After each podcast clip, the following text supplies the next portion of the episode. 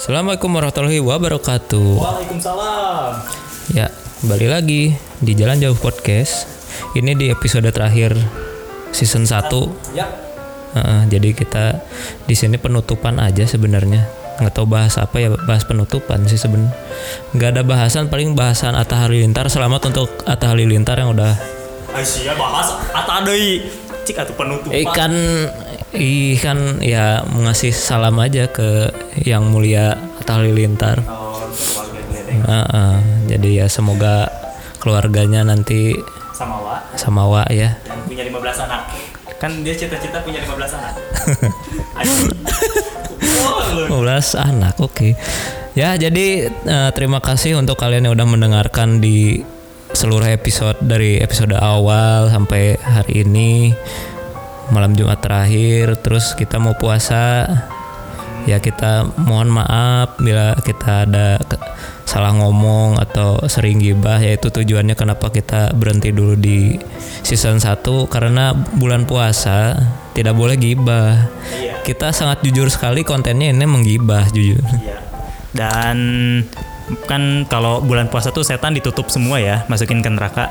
Nah, kita juga kayaknya setannya ditutup dulu lah, masukin dulu ke neraka dulu lah. Aisyah, anjing.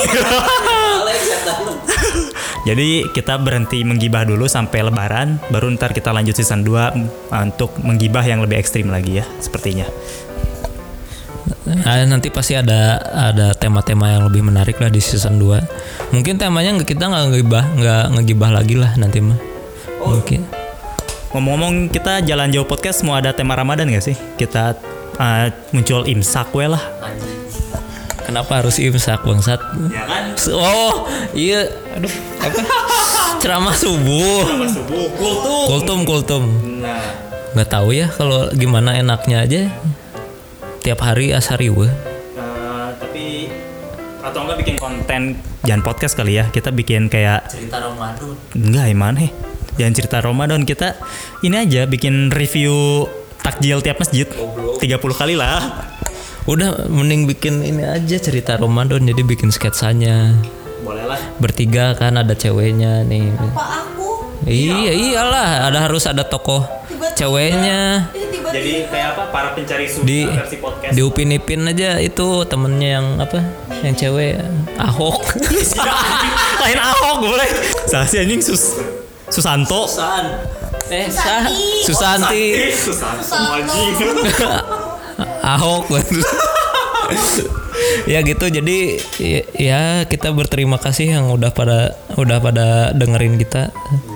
Walaupun kontennya tidak menarik ya. Katanya ada pendengar setia siapa aja? Oh ada dong, Eh, banyak fans. Jadi teman kantor juga. Kita banyak fans. Tapi kita digibahin semua sih. ya gak apa-apa lah. Kita GB pahala dan kita membuat dosa juga juga sih. Makanya di bulan puasa kita berhenti dulu lah. Iya berhenti dulu nanti kita lanjut setelah lebaran Ya setelah lebaran Ma- sih enaknya. ya setelah lebaran ya Setelah sih sholat maghrib aja kalau mau lanjutin gibahnya kan udah nggak dosa men. goblok ya udah nanti ya kita mau bahas apa ya penutupan ini kawin Woi, belum kawin mah udah kali ya. Nikah yang belum. Iyalah, kawin udah, nikah belum. Kan? Bahas apaan? Penutupan lah, kayak penutupan apa? Undang-undang dasar. Ya, penutupan apaan ya? Bingung juga. Ya, paling kita akan meriak ini Atta Halilintar. Kem- ya nggak apa-apa. Ya kan eh, lagi berbahagia baru berapa minggu nikah. Terus dia udah ada omongan ingin punya anak 15 ya nggak apa-apa karena mereka sanggup. Sah-sahnya aja karena sanggup dari finansialnya mentalnya mungkin udah siap. Kan mau bikin apa namanya? Gen Halilintar versi 2 berarti ya. gen petiran Oh iya Gen petir. Tapi ngomong-ngomong di episode sekarang kita nggak punya narasumber ya. Iya kan soalnya penutupan. Tadinya mau ada narasumber. Anda tidak ada kemarin. Narasumbernya udah ada padahal. Ya udahlah. Oh, iya ada. Ya udah jadi nggak tahu ya bang saya tadi iya kan? Kau sebagai narasumber bisa. Wow, kenapa geleng-geleng? Hah? Ah, bahas penutupan. Kalau bahas pembukaan ya orang hamil dong. Benar kan? satu Nah, penutupan kan nggak ada penutupan satu. nggak tahu ya paling kita membahas yang kemarin-kemarin aja kita recap jadi kita Iya dari dari episode sebelumnya yang menurut kita sangat berfaedah itu di Episode 2 yang bisnis. iya bisnis. bisnis bisnis itu sangat berguna lah sama yang Rafa on. Rafa Clinic itu paling the best lah Iya dunia percolian itu paling the best terus kita belum bahas masalah keluarga karena si Ruinya belum nikah jadi nggak bisa bahas keluarga tapi tapi bisa dikasih wejangan sih. Nah, mending gitu saja sih. Mending beri wejangan untuk tips menikah buat aing gitu. Oh iya. Jadi gimana? Utuh mau nanya mau nanya apa? mau nanya apa tentang keluarga? Aing bingung, euy. Soal keluarga. maksudnya kan mau nikah nih. Jadi apa ada yang mau ditanyain nggak sebelum nikah itu gimana gitu? Oke, ini buat maneh nih, kan yang sudah menikah. eh tips menghadapi grogi dan eta kenapa? Dia gak ada grogi salah nanya. Salah nanya. Ya enggak lah, kan kan namanya juga pertanyaan ya. Kenapa udah dijawab duluan? Apakah ada persiapan khusus atau bagaimana seperti membeli cincin up dan lain-lain gitu? Beli ya beli cincin mah tergantung ceweknya ya maunya apa misalkan dia nggak mau cincin maunya gelang ya nggak masalah terus untuk nanti tukeran cincinnya ya terserah mau jadi gantiin kalung atau eh, apa cincin atau gelang nggak masalah sebenarnya Bisa nggak sih? Kan ada kayak tradisi tuker cincin gitu ya. Tapi orang sendiri gitu. oh lamaran Oh itu lamaran iya lamaran jadi cuman ngikat doang andanya nggak pakai ceweknya doang yang pakai gitu Terus orang nggak diikat gitu, masih bisa leor dong. ya Diikat. Ya, eh, diikat juga. Iya, diikat juga masih bisa leor sebenarnya kalau sama tunangan mah. Jadi kalau udah masuk tunangan itu hitungannya bukan buk, ya orangnya tergantung orangnya sih itu mah. Jadi bukan disebut selingkuh sebenarnya. Tapi Emang goblok. Kan Emang gue kata juga kan kalau masih tunangan nggak apa-apa. Tapi kalau udah nikah ikutin kata suami. Suat, kata apa? Kata suami adalah eh suara suami adalah suara Tuhan. Matamu Tuhan. masalahnya udah cosplay kiwil sekarang cosplay Tuhan. Aduh anjing. Enggak, jadi ya kalau menurut saya ya, kalau prinsip suami itu ya mengayom maksudnya bukan bukan nyuruh A, harus A. Jadi ya kalau nyuruh A, misalkan si term ya itu term sebenarnya. Kalau si ceweknya, kalau si istrinya nggak bisa lagi kondisi misalkan lagi lagi punya anak, punya net, lagi nete ini, terus si suaminya tiba-tiba tiba-tiba si suami minta pulang-pulang kerja langsung marah-marah mana nggak ada masakan gini nah, sebenarnya nggak boleh gitu harusnya harusnya yang bener itu suami pas datang itu benernya bawa makanan pulang kerja itu terus makan bareng-bareng kan enak jadi bukannya nyuruh istrinya udah tahu lagi nete terus nyuruh masak juga kan. Heeh, nah gitu. Sangat patriarki sekali bro nah membahas soal patriarki menurut mana gimana sih? Kan banyak juga sekarang kebanyakan apa namanya kayak udah nikah nih apa pun misalnya istri harus nurut suami banget. Ya misalnya kayak ini misalnya istri lu nih istri mana nih bangun siang terus mana pulang kerja nih. Terus mana marah-marah belum beres ini rumah nggak disapu. Apakah mana bakal emosi atau mana ya udah mending bersihin sendiri atau gimana? Kalau otaknya yang lancar mah ya bersihinnya bareng-bareng lah kalau otaknya lancar ya kalau maksudnya kalau anda tuh menikah tujuannya apa? Menjadikan si calon istrinya ini jadi babu atau jadikan princess? Itu aja. Dan untuk mengatur siasat apa namanya masalah keuangan juga buat kalian. Gimana sih buat ngaturnya? Kan uh, kalian nih berdua freelance nih. Ada nggak sih kayak kesenjangan kayak mencari uang? Dan misalnya satu sama lain tuh kayak nuntut kamu tuh harus kerja kantoran kayak gini gitu. Kerja kantoran kerja kantoran juga kita udah penat dua-duanya jadi memutuskan untuk Eh, untuk bekerja di luar ya maksudnya bekerja di luar itu ya kita bebas untuk waktunya tidak terikat.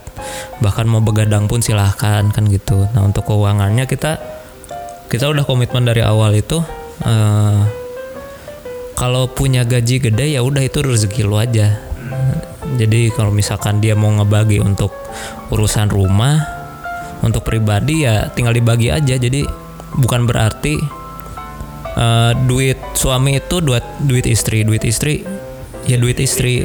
Sebenarnya kok yang bener itu ya dibagi aja sebenarnya. Eh, eh, duit barang-barang aja. Maksudnya barang-barang itu bukan dipakainya eh, untuk rumah semua enggak. Untuk ke- kebutuhan sehari-hari enggak. Ya bagi aja kebutuhan hari ini apa minggu bulan depan apa. Dia misalkan butuh make up ya beliin aja gitu.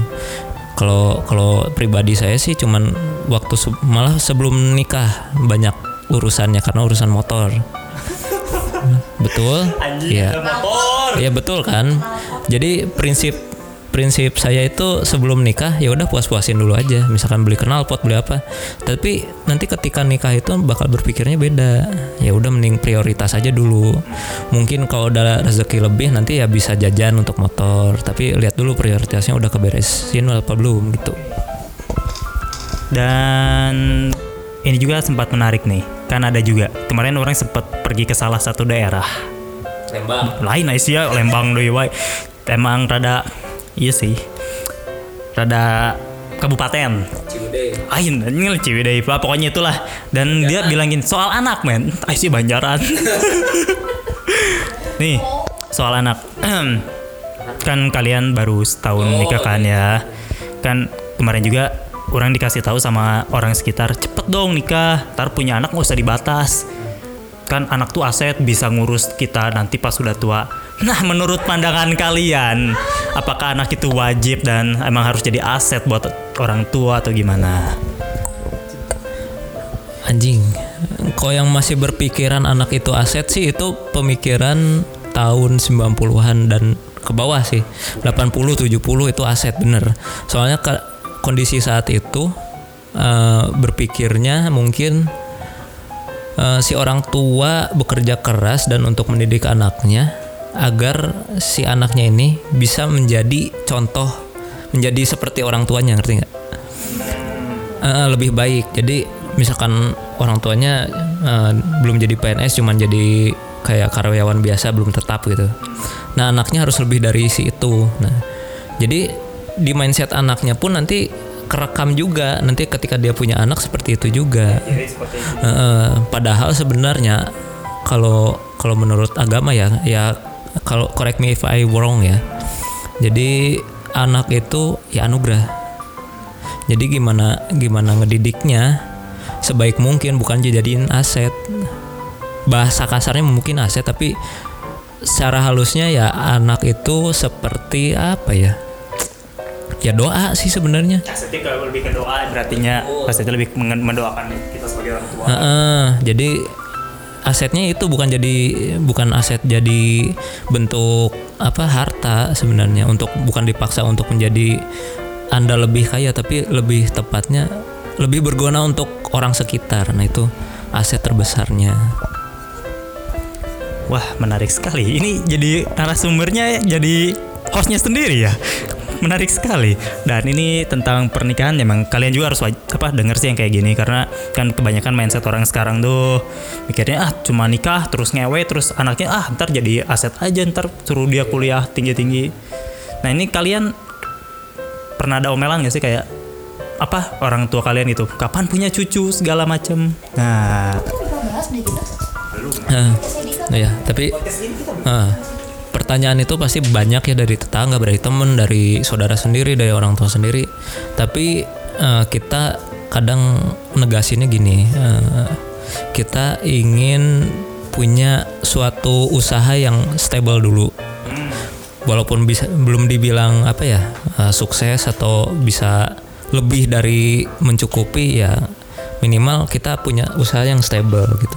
Ketika udah stable baru kita berpikir untuk eh, misalkan usahanya udah jalan udah stable kita harus mikir ini harus ada penerusnya ya kan? Maksudnya berkembang terus. Mungkin di situ kita akan berpikir kita bakal punya anak bisa kita bisa rencanain tapi untuk untuk setahun menikah malah ini kita nggak ada kepikiran gitu. Puasin pacaran dulu kali betul. Puas-puasin pacaran dulu. Terus ya apa ya? Ya ya. Terus ya nikmatin dulu lah. Kalau kita nggak nggak untuk awal-awal sih nggak ada rencana untuk punya anak ya itu. Kita negesinnya ya selama belum punya kura-kura darat. Iya. Bisa melihara jerapah. Belum bisa melihara jerapah ya kita kita ya nggak akan punya anak gitu aja. Yang penting ekonominya dulu stabilin apalagi kita eh, dihantui dengan sandwich generation ya. Tuh tuh sandwich generation tuh aing poho deui naon sih? Poho aing teh. jadi sandwich generation itu di ma- kasus di mana anda anda terhimpit terhimpit untuk biayain orang tua dan ngehidupin keluarga sendiri anak.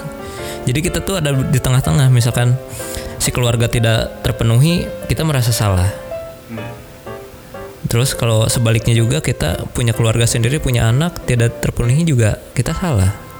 Jadi harus stable semuanya. Tapi kan nggak bisa kayak gitu. Kalau dihitung-hitung kita keluarga sendiri aja. Kalau kita eh, kalau aku sama si Pika itu minimal sebulan untuk makan doang 3 juta. Bensin makan bensin makan ya udah segala ya, listrik itu 3 juta. Nah bayangkan kalau kita harus berpikir membiayai eh, orang tua misalkan. Ada kebutuhan orang tua. Nah kita minimal gaji berapa? Pendapatan jadi. Pendapannya Heeh. minimal itu kalau dihitung-hitung ya 10 juta itu minimal. Itu untuk kalau ngebutuhin keduanya ya antara keluarga kita sama keluar ini eh, keluarga orang tua.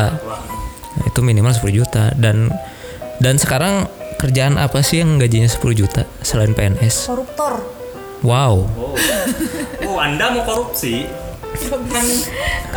Mending selama bulan Ramadan kita cari pesugihan. Eh, orang mau nanya sih kalau eh, miara tuyul kan dapat duit ya? Itu bayar pajak nggak? Aing juga bingung ya. Kalau tuyul anjing bentar. Aing penasaran antara melihara tuyul lamun teu setan ini loh pesugihan yang di rumah. Jadi mana punya rumah ngebangun tapi mana nggak harus nggak jadi rumahnya. Itu tumbalnya gitu biar ngejebak si setan. Jadi gini lah. Mana kalian bikin rumah nih. Terus nggak jadi si rumah itu misalnya tembok depannya belum dicat setengahnya atau pagarnya belum dicat. Itu tuh kayak ada pesugihannya gitu loh. iya ada ada ininya lah Mending kita Ramadan bahas pesugihan. ilmu ilmu pesugihan di bulan Ramadan kan gue bangsat ini ya. Juli halal ya jadi nerusin yang tadi sandwich generation ya contohnya ya banyak sih. Di generasi kita yang 90-an pasti ya hampir 60 persenan lah. 60 persenan pasti. Makanya banyak orang yang dia belum bisa nabung atau ini ya wajar sih wajar. Jadi kalau menurut eh, siapa ya kemarin? Lupa. Jadi generasi 90-an itu akan sulit untuk menabung karena gaya hidup yang boros. Soalnya kenapa? Di generasi kita banyak disuguhi oleh dari tarik lah. Di mulainya 2000-an lah, 2000-an. Tahun 2000-an itu udah mulai internet masuk. Nah, terus sosial media Nah di sosial media ini pastilah orang tiap detik ngecek sosial media lah. Nah di situ kan banyak makanan, banyak yang menggiurkan, banyak diskon-diskon. Nah itu kita itu dihantuin sama itu. Nah gimana caranya bisa ngendaliin itu ya kurang-kurangin jajan sebenarnya mah. Kurangin gaya hidup berarti ya. Gaya hidupnya kurangin maksudnya ya mending dibilang kurang pergaulan daripada ke depannya anda tidak bisa menabung gitu aja. Oh. Tuh dengarkan wahai kalian yang jajannya mesti dua kali. Nah, kalian hematlah dikit lah. Misalnya kalian punya impian ingin membangun rumah atau membeli perabotan atau ingin membeli sepatu brand, ya udah jajan lu kurang-kurangin, bener nggak? Ya, dulu dulu eh, sama sama enggak di waktu SMP itu ada temen teman tetangga itu dulu si Ronald namanya jadi kita itu bertiga pernah bikin rencana udah nggak bukan rencana sih ya bikin challenge lah dulu tuh. Jadi kita tuh pengen beli kartu Yu-Gi-Oh. Tapi kita challenge-nya itu selama sebulan kita nggak jajan sama sekali. Bahkan seribu pun eh 500 pun kita nggak ngeluarin. Bahkan ke sekolah jalan kaki tiap hari. Nah itu dulu pernah kayak gitu sih sama teman-teman tuh. Dan gol.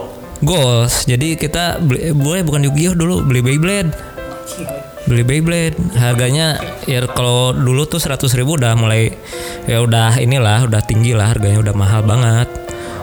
100.000 ribu tuh udah mahal dan uang jajan kita tuh paling gede cuma 5.000 waktu SMP ya 10.000 lah. Sepuluh ribu ya lima ribunya untuk ditabung. lima ribunya untuk ditabung lima ribu lagi mungkin eh, untuk makan siang atau jajan Hmm, tapi waktu itu sepuluh ribu itu nggak nggak jajan di nggak dijajanin sama sekali. Jadi selama sebulan kita udah bisa beli Beyblade tiga. Eh, enggak kita ikut turnamen. Dulu di, di BSM Oh, iya, iya. dulu di BSM kita ikut turnamen Station. Eh, saya Ronald dan ada si Indra teman satu lagi. Nah itu dulu ikutan turnamen. Ngelihat jadwalnya di mana kan belum ada sosmed ya. Kita nonton dulu Beyblade tuh, tuh minggu pagi. Oh iya. Setelah udahannya, iya setelah udahan si kartunnya itu baru ada pengumuman hari ini ada di BSM. Nah kita langsung cus gitu. Jadi berapa kali turnamen si Ronald juara satu dan saya juara dua begitu lumayan dapat duit cuy Tuh dengarkan wahai para pendengar setia. Kalau kalian ingin membeli sesuatu kayak Bapak Wildan ini, kayak misal pengen sepatu Air Jordan atau pengen dimsum setiap hari atau KFC setiap hari, ya kalian harus nabung lah, investasi juga itu. Tapi gaya kurangin juga gaya hidup. Apa kayak mau ke kafe kayak aduh kurang-kurangin juga sih. Gue juga sekarang dikasih tahu nih sama mereka kurang-kurangin ke kafe atau tempat ngopi di luar lah. Karena kan aku juga ada tujuan. Nah, boleh tapi jangan ya, jangan sering-sering. Maksudnya kalau ada ada meeting misalkan wifi rumah lagi goreng lagi butuh IndiHome ya tahu sendiri. Heeh, kalau kalau ya kita mau menerima menerima aja asal bawa sesajennya ya. Jadi kurang-kurangin maksudnya ya terserah sih itu balik pilihan kalian. Kalau kalian merasa mampu dan ya itu mah ya terserah ya gaya hidup mah. Kita cuma ngasih. Heeh, kita mah cuman ngebantu generasi kita lah. Apalagi saya cuman membantu teman-teman aja gitu. Untuk berlebih berhemat maksudnya apa ya? Generasi kita tuh akan akan sulit untuk membeli rumah sendiri. Kalau pe- ya kalau kalau pekerjaannya tidak stable maksudnya. Sekarang IT juga gaji berapa sih ja? Di atas di atas 4 ada kali ya sebenarnya di atas 4 udah bisa beli rumah sendiri tapi kan eh, sebagian orang 4 juta itu berpikirnya beda untuk generasi kita. Iya. Untuk diinvestnya mungkin ke gadget atau ke PC atau apa. Ya nggak masalah itu kebalik lagi ke kebutuhan masing-masing. Jadi emang pekerjaannya youtuber ya, ya emang harus beli PC gitu bukan beli rumah. Kalau tapi kan kalau udah berker- berkeluarga mah beda pemikirannya pasti apa yang prioritasin. Tapi nggak ujuk-ujuk udah nikah udah udah udah nikah gitu. Langsung kepikiran ayo beli rumah yuk. Ya nggak gitu. Jadi ada step-stepnya. Sabar sabar dulu. iya. suksesnya. Jadi jangan jangan mikirnya sebelum nikah itu kamu harus ada rumah. Ya anda pikir sendiri gajinya berapa gitu. Terus kebutuhan dia tuh nggak nggak cuman 4 juta buat dia sendiri ya nggak gitu. Pasti dia punya ada kehidupan sendiri gitu untuk kehidupan adiknya. Misalkan dia punya adik ngebutuhin ibunya mungkin bapaknya sakit saudaranya sakit kan kayak gitu. Jadi dia gaji misalkan 10 juta. Wah kamu kan gaji 10 juta masa iya sih kamu nggak bisa nyicil rumah? Ya nggak gitu sebenarnya. Wah ini uh, flashbacknya emang panjang sekali ya.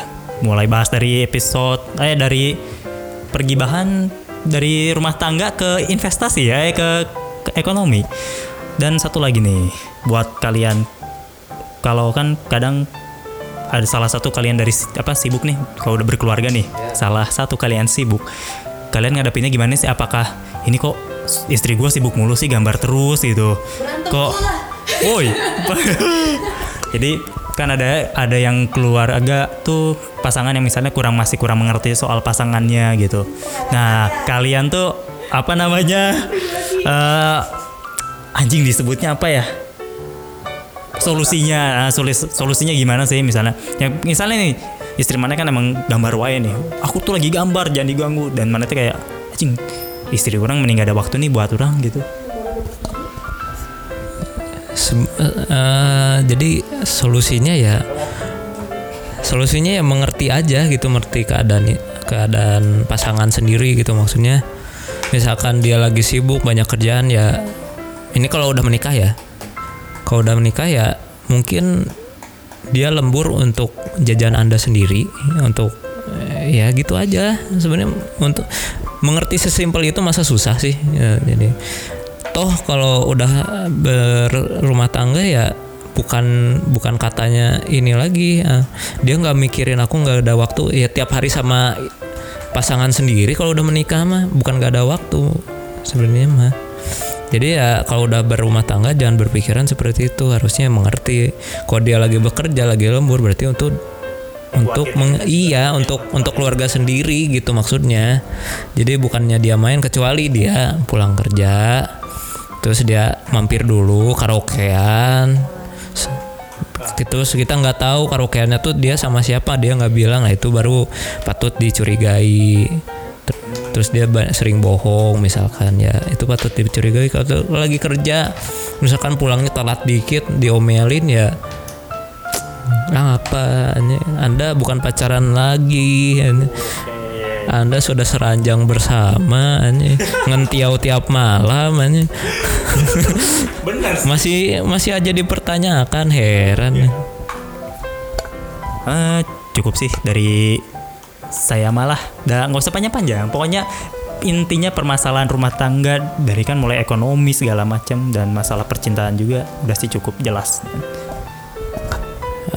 Eh, mungkin ada wejangan dikit untuk yang mau menikah.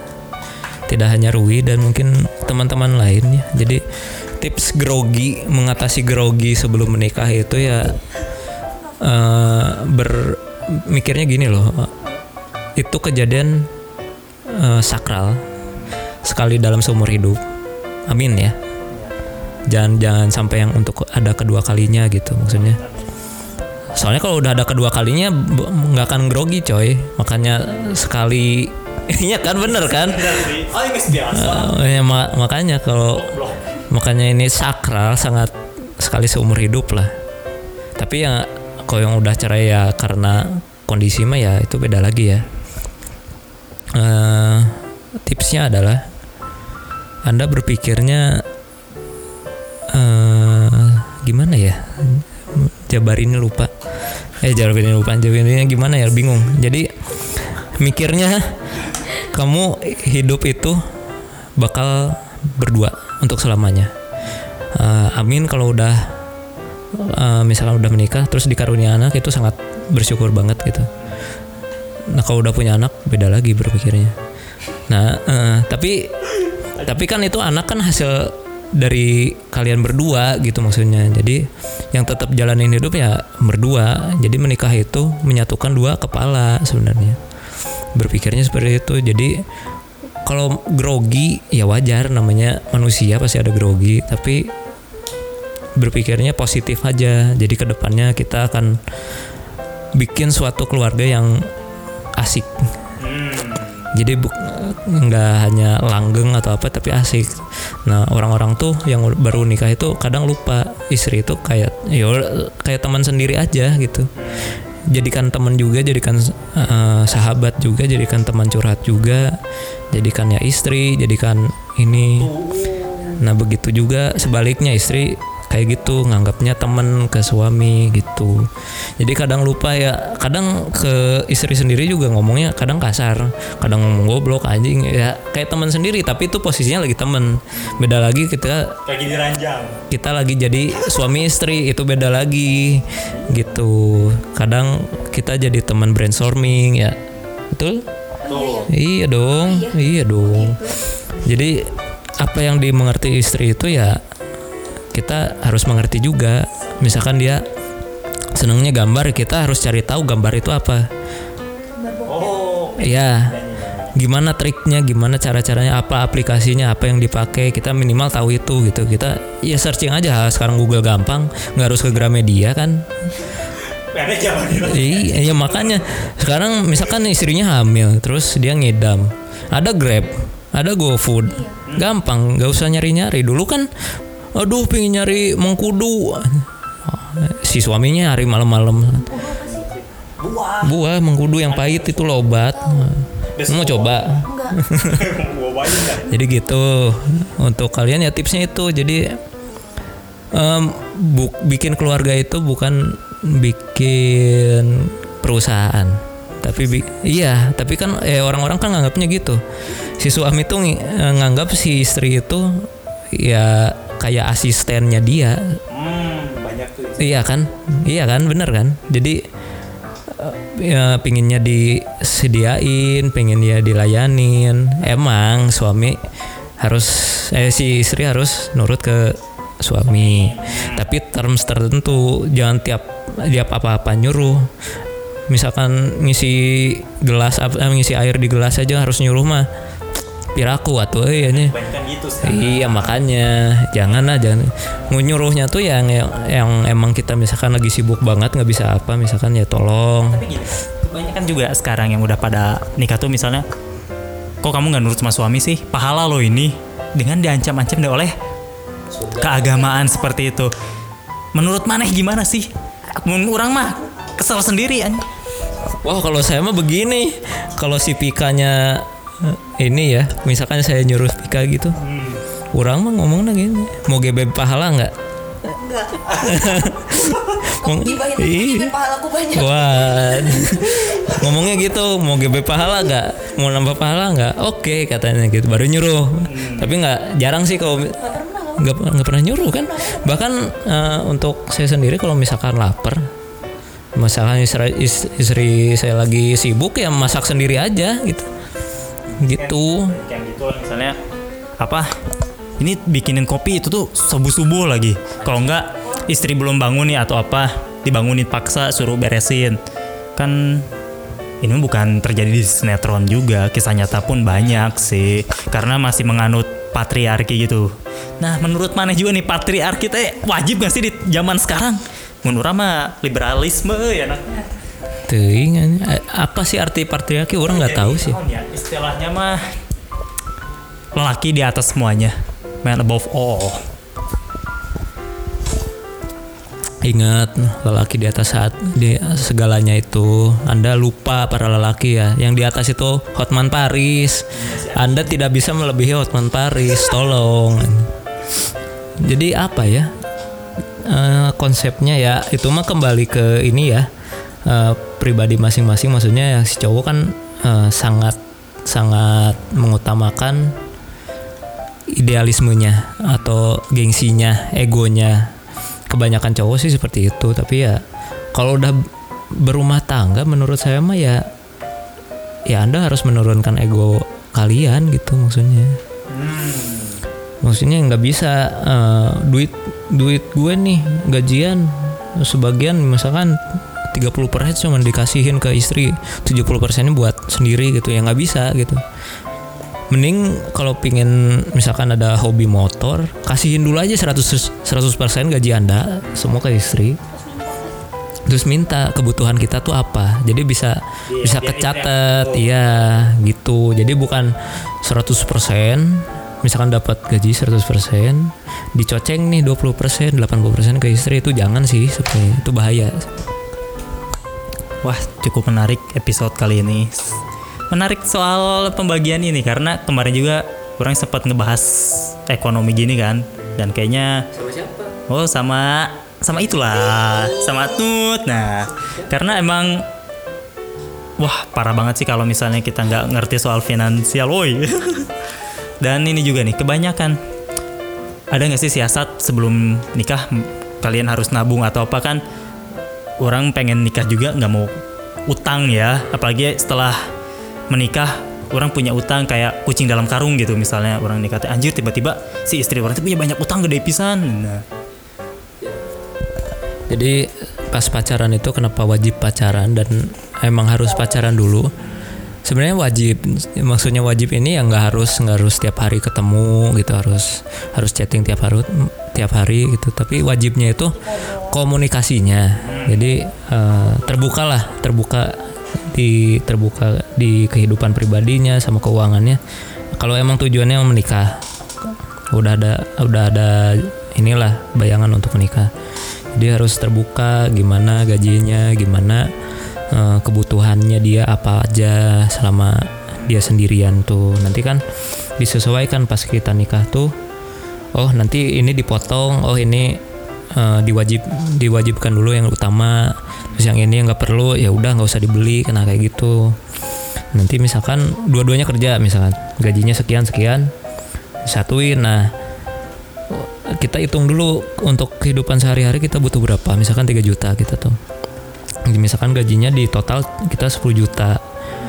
Nah yang 7 juta itu bisa dialokasikan misalkan kebutuhan rumah misalkan ada perabotan investasi ya investasi jangan panjang itu atau ya ada harus diperbaiki rumahnya atau kebutuhan apa lagi.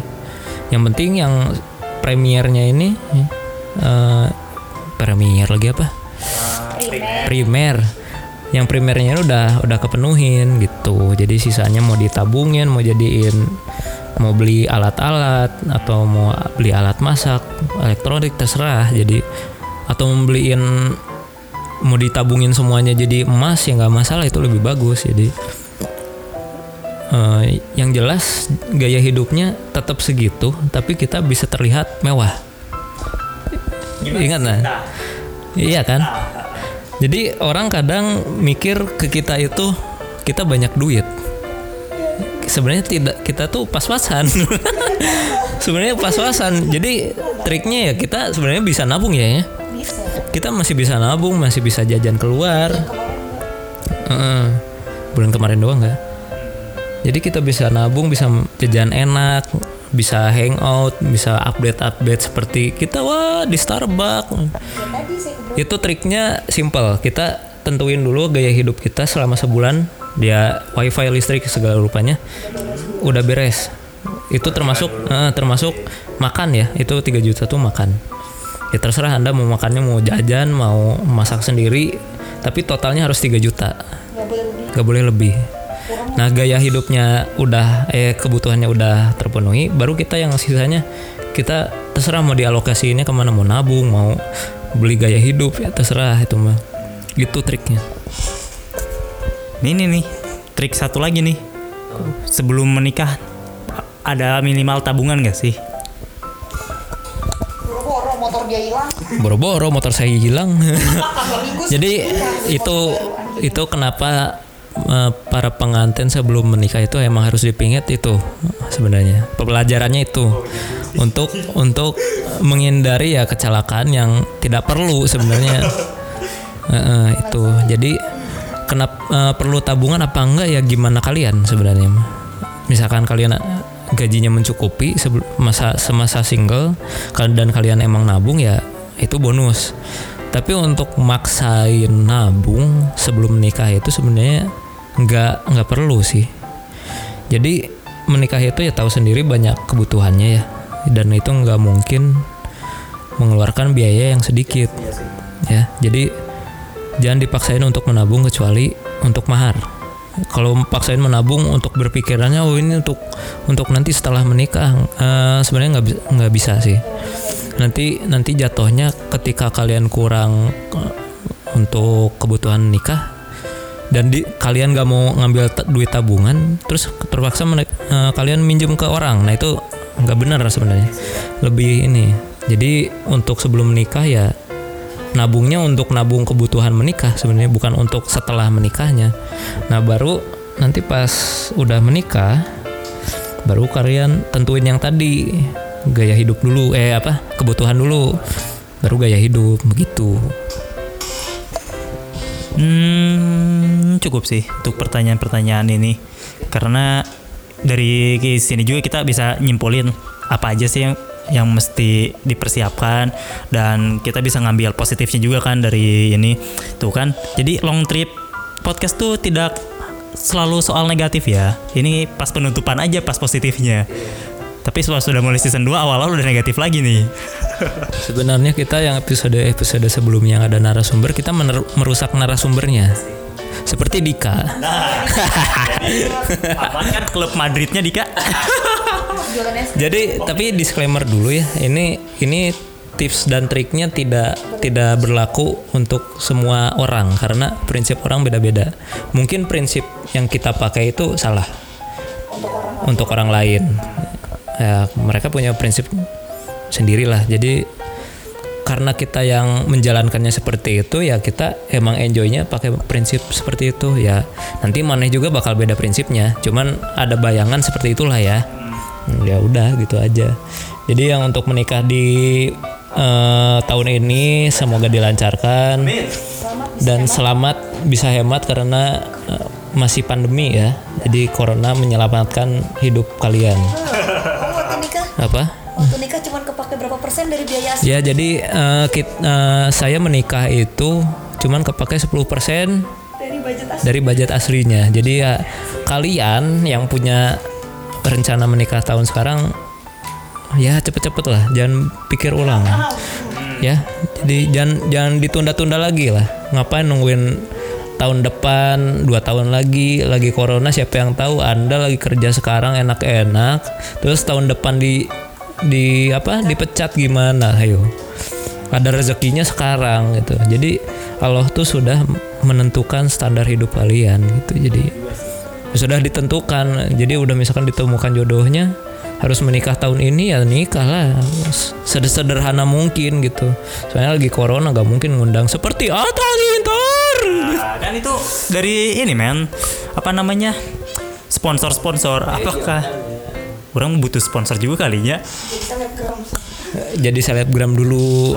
Nanti. Nah, kalau jadi selebgram tonnya warna orange. Orange. Eh kan malas. Wah. Sudah.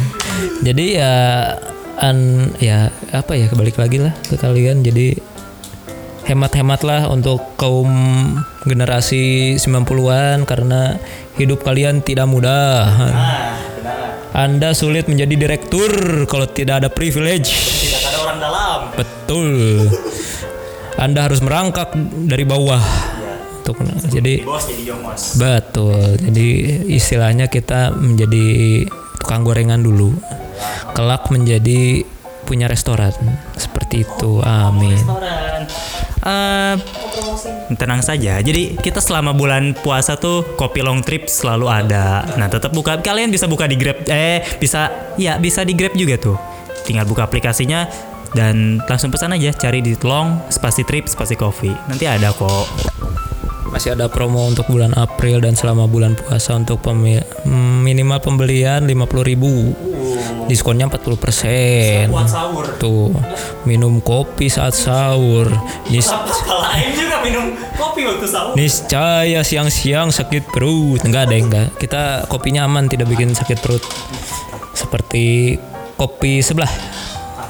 Yang ampas tidak ada ampas, tidak bikin kembung. ya ya sudah. Anjir baru berdua. Gak ada narasumber lama banget. Gitu. ya udahlah ya.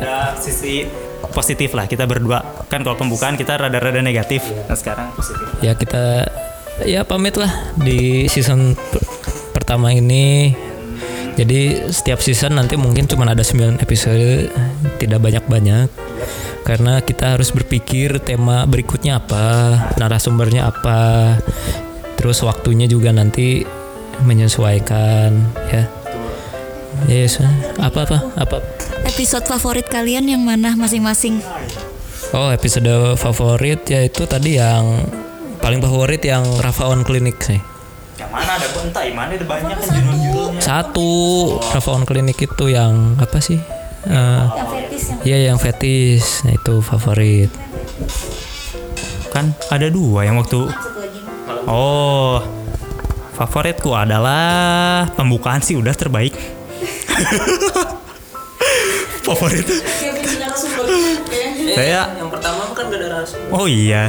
Jadi pak pokoknya saya suka yang pertama. Saya tidak suka ada narasumber merasa tersaingi dan dibully. Ya, ya sudah kita pamit di episode eh, di season akhir ini, eh season akhir. Yes. Season season awal ini dan episode terakhir ini mohon maaf lahir batin. Selamat menjalankan bulan pula ini Ramadan ibadah puasa semoga lancar terus eh, pahalanya dinaikkan oleh sub oleh Allah Subhanahu wa taala dan bertemu lagi nanti setelah lebaran tahu bulan apa ya kita belum. Nggak Mei juga sih Ya, yang jelas Ini orang si Rui Mei mau pergi. oh iya Oh ya Juni kita. Ya, iya makanya mungkin Juni ya mungkin kita. Oh, iya. Wuh, oh, iya. wuh, lamaran lamaran ya ya sudah ya saya Wildan pamit undur diri di Jalan Jauh Podcast selamat malam Jumat selamat menikmati hari ke hari kalian ya udah kita pamit ya Ya. ya Oke, saya Rui. Uh, mohon maaf lahir batin untuk semuanya. Mohon maaf apabila apabila ada yang tersinggung oleh perkataan kami. Itu sebenarnya ya bercanda tapi serius buat kalian juga sih. Ingat ya bercanda tapi serius. Dengerin anjing. mohon maaf lahir batin. eh ya sudah kita pamit ya dadah Dah.